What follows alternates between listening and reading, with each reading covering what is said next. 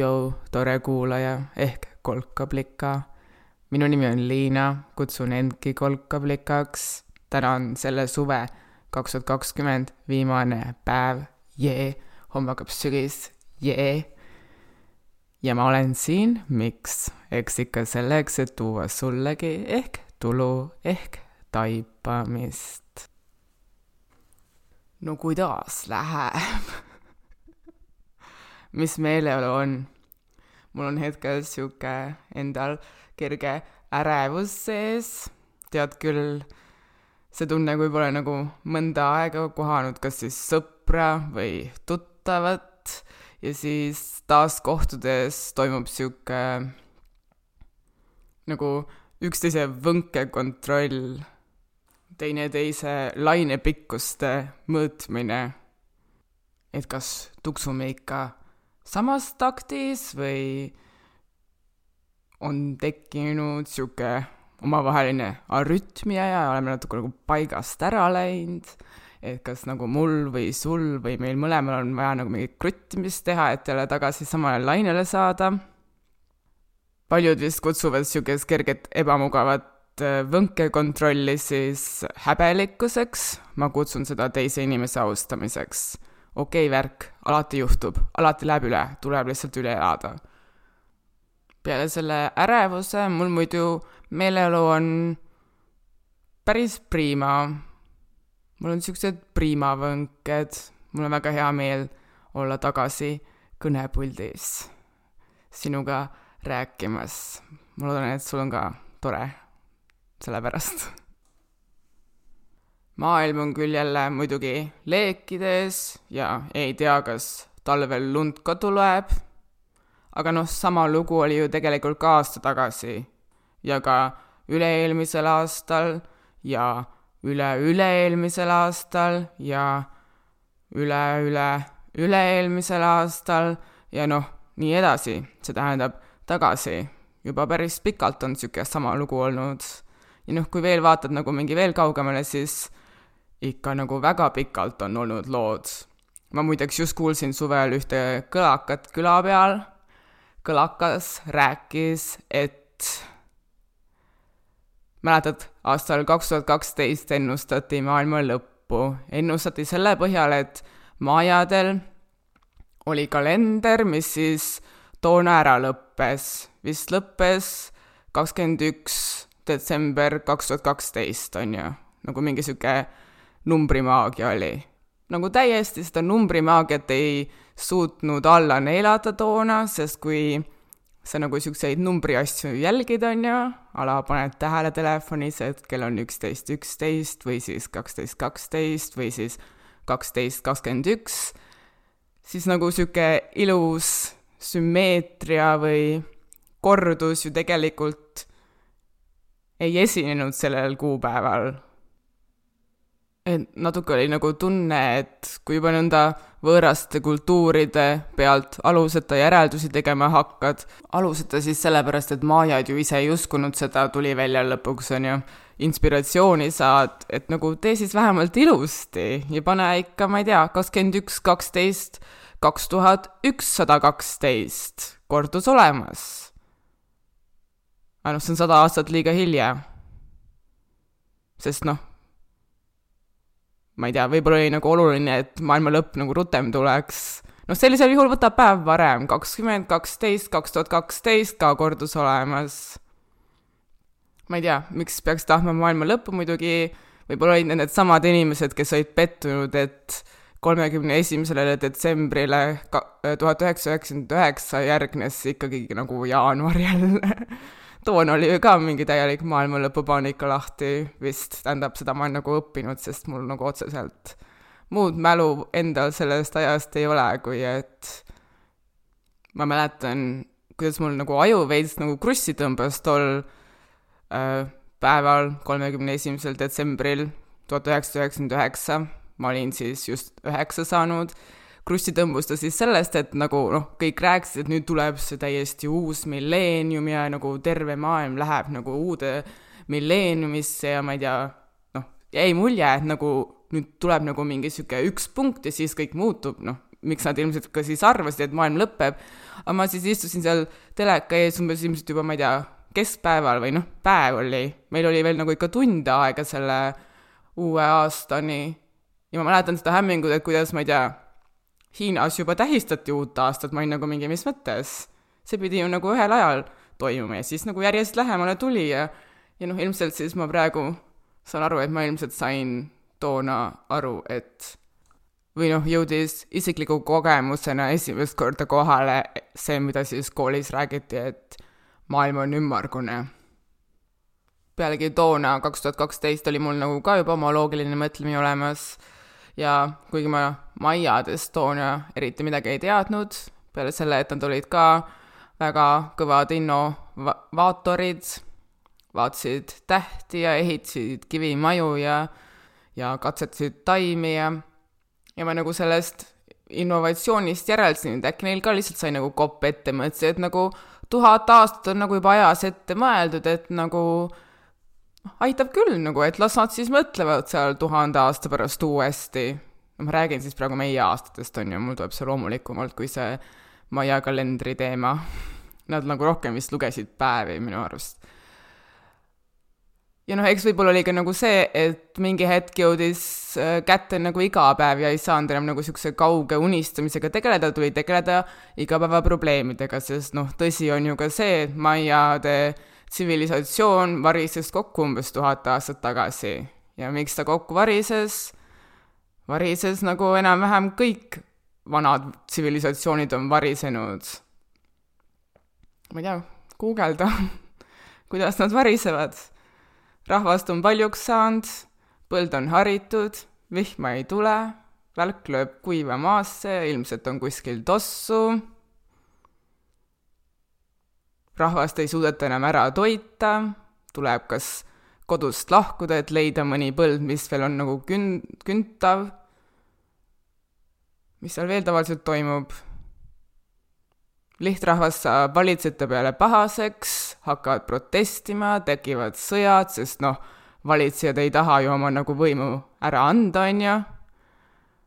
ja noh, tead, mis veel tavaliselt on või? eks kuskilt nagu nurga tagant ilmub välja ka mingi viirus, mis siis niigi nõrkenud ja väsinud inimesed täiesti jalust rabab ja tsivilisatsioon kukub, kukubki kokku. Variseb kokku. nüüd hakkas veits nagu kõhe. kohe tuleb teine kõlakas, mida ma ka küla vahel kuulsin see suvi. see kõle, kõlakas on nagu sihuke täiesti tee nagu oma aju lahti, et äh, see sisse lasta. see kõlakas rääkis, et me elamegi juba maailma lõpujärgses ajas.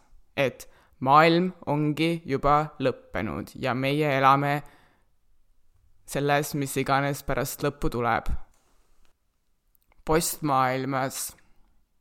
post, eesliide tähendab siis, tead küll, millelegi nagu järgnevat näiteks kultuuriteoorias, kunstiteoorias, kunstiajaloos umbes sada aastat tagasi oli näiteks modernism.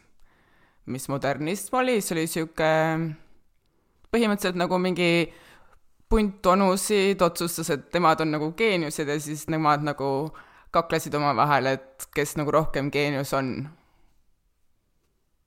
Neil oli nagu niisugune, noh, üritasid nagu mingid, ma ei tea, tõde teada saada ja siis väita, et see minu tõde ongi teie kõigi tõde ka.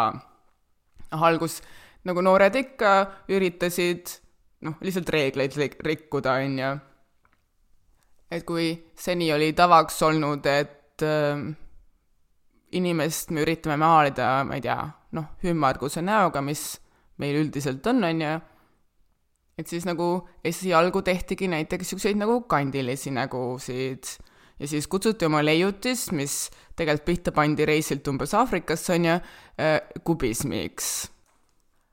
aga noh, mida aeg edasi, siis ilmselt jõudis nende endale ka mingi hetk kohale, et suht raske on nagu väita, et minu, minu vaade on nagu sada protsenti tõene ka sulle, kui ma nagu ikkagi nagu suht äh, midagi nagu kujutan või ütlen, nii et mida siis teha minna nagu täielikku abstraktsusesse, kus enam-vähem siis modernism ka lõppes.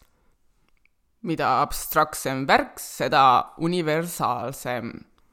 vähemalt nii nad arvasid. ma ei tea, kas sa nägid äh, seda Pesaris, seda Pärnus toimunud kunstikriitika loengut või? ma küll nagu täpselt ei tea, miks peaks täna, kui meil on maailm igast teisi kunstnikke täis, kes hoopis teistsugust kunsti teevad, miks peaks üldse näitama ainult niisuguseid vanu-vanu kunstnikke, neid abstraktsioniste nii nagu hullult ette võtma, aga noh, see loeng ikka väga tõestas, et äh, ei vist jõua need abstraktsused enam ka mitte kellelegi kohale, noh, või võib-olla on lihtsalt oskus äh, ise midagi pildist välja mõelda ära kadunud, ongi vaja, et oleks nagu puust ja punaseks ette tehtud. ehk kui sa ei näinud seda klippi, siis seal üks onu nagu hakkas, võttis mingi vana raamatu lahti ja hakkas rääkima, kuidas talle nagu absoluut, absoluutselt ei jõua kohale need abstraktsionistid põhimõtteliselt ta nagu kogu argument oligi see, et kuidas noh, tema ei saa kunstist aru ja seetõttu ei peaks me nagu keegi seda kunsti vaatama. aga noh, see selleks. väga sihuke geeniuslik idee tegelikult ju umbes, et kuna minu geenius sellele geeniusele pihta ei saa, siis sellel teisel geeniusel peab ju olema miskit viga. minul on ju ikkagi õigus. mina viin võidu koju. igatahes nende postmõistetega on niisugune värk nagu elektripostidegagi, ehk äh, nad on seotud selle eelnevaga.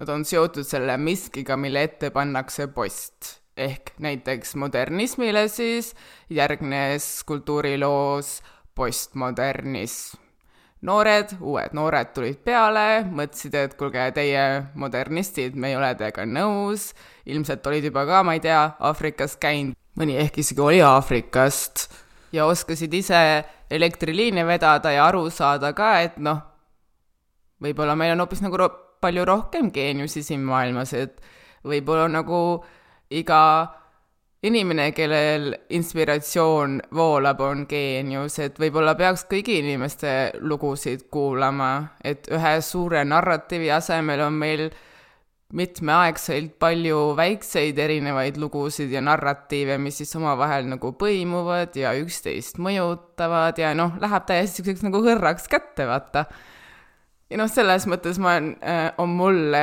isiklikult ka postmodernism südamelähedane, sest ma ka usun, et meis kõigis on see loomine olemas. meil kõigis on võime teha niisuguseid kunstilaadseid asju ja, ja oma lugu kirjutada ja, ja noh, kui niisugune võime on olemas, siis minu arust võiks seda ju kasutada ja noh, olemegi kõik geeniused milline geenius sa täpselt olla tahad, see on sinu otsustada. mina näiteks tahan olla niisugune geenius, kes teistega ei võitle, ei konkureeri ja kes pigem teeb teiste geeniustega koostööd, sest ma ikka nagu tõesti usun, et tead, mitu pead on mitu pead. ja tead, mul on üks pakkumine, mul on äh, üks pakkumine ma nüüd lasen oma kõlaka lahti. üks pakkumine, kuidas seda geeniuste hulka nii-öelda hallata või? kuidas ära hoida seda konkurentsitunnet teise geeniusega, teise geeniuse ees, kuidas jagada oma geeniust ja võtta vastu teise geeniust kuidas olla üksteisele heia gäng, see gäng, kes hüüab heia ja see pakkumine, see pakkumine on muidugi minu stiilis nagu sihuke ümber disainitud vanasõna.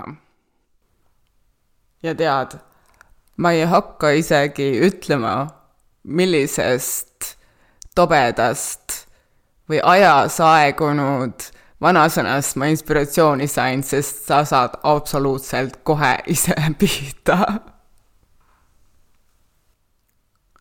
siit ta tuleb. vaikimine, tuulegeneraator.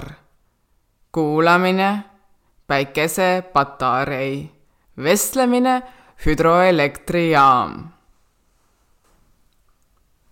ma korra nüüd ütlen veel ja siis ma annan sulle nagu momendi vaikust, et sa saad oma tiivikud käima panna ja mõelda korraks ise ka, et mida ma siis võin selle asjaga mõelda.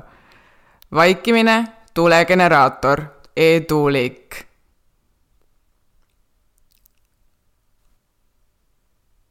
kuulamine, päikesepatarei, päikesepaneelid. no huvitav, miks küll hmm.? mis see Liina küll mõelda võib? mis sa mõtled? vestlemine, hüdroelektrijaam noh, mis sa arvad? vaata, et sa mulle teada annad, mis see esimene äh, tunne või mõte pähe tuli. ma kuulan sind kui päikesepatarei. ja nüüd muidugi ma siis jagan kohe enda versiooni ka ära. mida see siis kõik võiks tähendada? esiteks on need ju kõik taastuvad energiaallikad, taastuvad energiaressursid tuul, õhu liikumine, päike ja vesi, vee voolamine. Need energiaallikad, ressursid oleme mina ja sina, need kaks, kes suhtlevad. suhtlemine ise on siis energiavahetuse protsess. energia on ju jääv, energia kogum ei muutu, aga ta saab ise muunduda ja üle kanduda. ja mis on suhtlus, mida teeb suhtlus? igasugune suhtlus, olgu ta siis teise inimesega või ka meie lihtsalt välismaailmaga, ta on ju energiavahetus. energiavahetus, millel on potentsiaal millegi muutmiseks loome me ju üksteise reaalsust. mina annan sulle mingi idee, sina annad mulle mingi idee, noh, käib ju sihuke taas energia tootmine, taaskasutus, uue asja tegemine vanast asjast, ringiratast. ringiratas, nagu käivad ka tuuleturbiinid ja hüdroelektrijaamas turbiinid, on ju. niisiis, ükshaaval ka. miks ma arvan, et vaikimine on tuulegeneraator. vaikides jõuavad sinuni need justkui õhust võetud ideed, toimuvad taipamised. inspiratsioon ka tuleb tuuleiilnurga tagant, on ju. ja need tuuleilid, need saavad meid tabada siis, kui me, kui oleme kuss. laseme neil lihtsalt tulla. naudime ilma kuulamine, päikesepatarei. mida pata-, päikesepatareid, paneelid teevad, nad on ju põldude peal umbes reas, nagu oleks mingid tudengid loeng-, loengus, on ju, ja ootavad seda päikeseenergiat, et seda siis kokku koguda ja sellega midagi siis tarka hiljem peale hakata. ei sega nad vahele ja kogu oma tähelepanuga vaatavad päikest. niimoodi minu arust me võiksime ka teist inimest kuulata tõesti kaasa mõelda. kujutadagi ette, et see teine ongi see päike praegu minu elus, kes potentsiaalselt võib mulle anda kogu selle soojuse, mis mul on vaja, kogu selle valguse, mis mul on vaja. kui pilv on tead ees, siis tuleb sealt tagant äkki ka välja ja lahendab need pilved ka nagu pjuh, minema. nii minu arust võiksime me kuulata teist inimest ja viimaks vestlemine. vestlemine teise inimesega on kui, või võiks olla kui hüdroelektrijaama töö. mida me teame hüdroelektrijaamade ehitusest? üldiselt ehitatakse jõgedele siis hoidlad, tammid, kuhu kogutakse vesi, mis siis mingi, mis siis mingi aja tagant lastakse sealt välja ja läbi turbiinide, mis käivad ringi ratast ja tekitavad vee, sellest veevoolust energiat, on ju. iseenesest nagu mingi veevool ja noh, umbes nii ju tegelikult toimub ka suhtlemine. ehk näiteks, kui pole pikka aega teist inimest näinud ja hakata ka vestlema ja siis tuleb see ärevus sisse, mis mul ka alguses oli, siis mis see võnkekontroll ongi, ongi, on see, et sa nagu eeldad, et noh, teisel on ja iseendal ka on tükk aega see vesi seal seisnud ja võib-olla on sinna tekkinud mingeid setteid või vetikaid ja kuigi üldiselt hüdroelektrijaamadesse ehitatakse ka need kalatrepid, kus siis nagu noh, mingid elukad välja saavad, ehk äh, kõik sinna ka seisma ei jää, siis noh, natuke seisnud vesi ei ole nii värske kui äh, tavavooluvesi.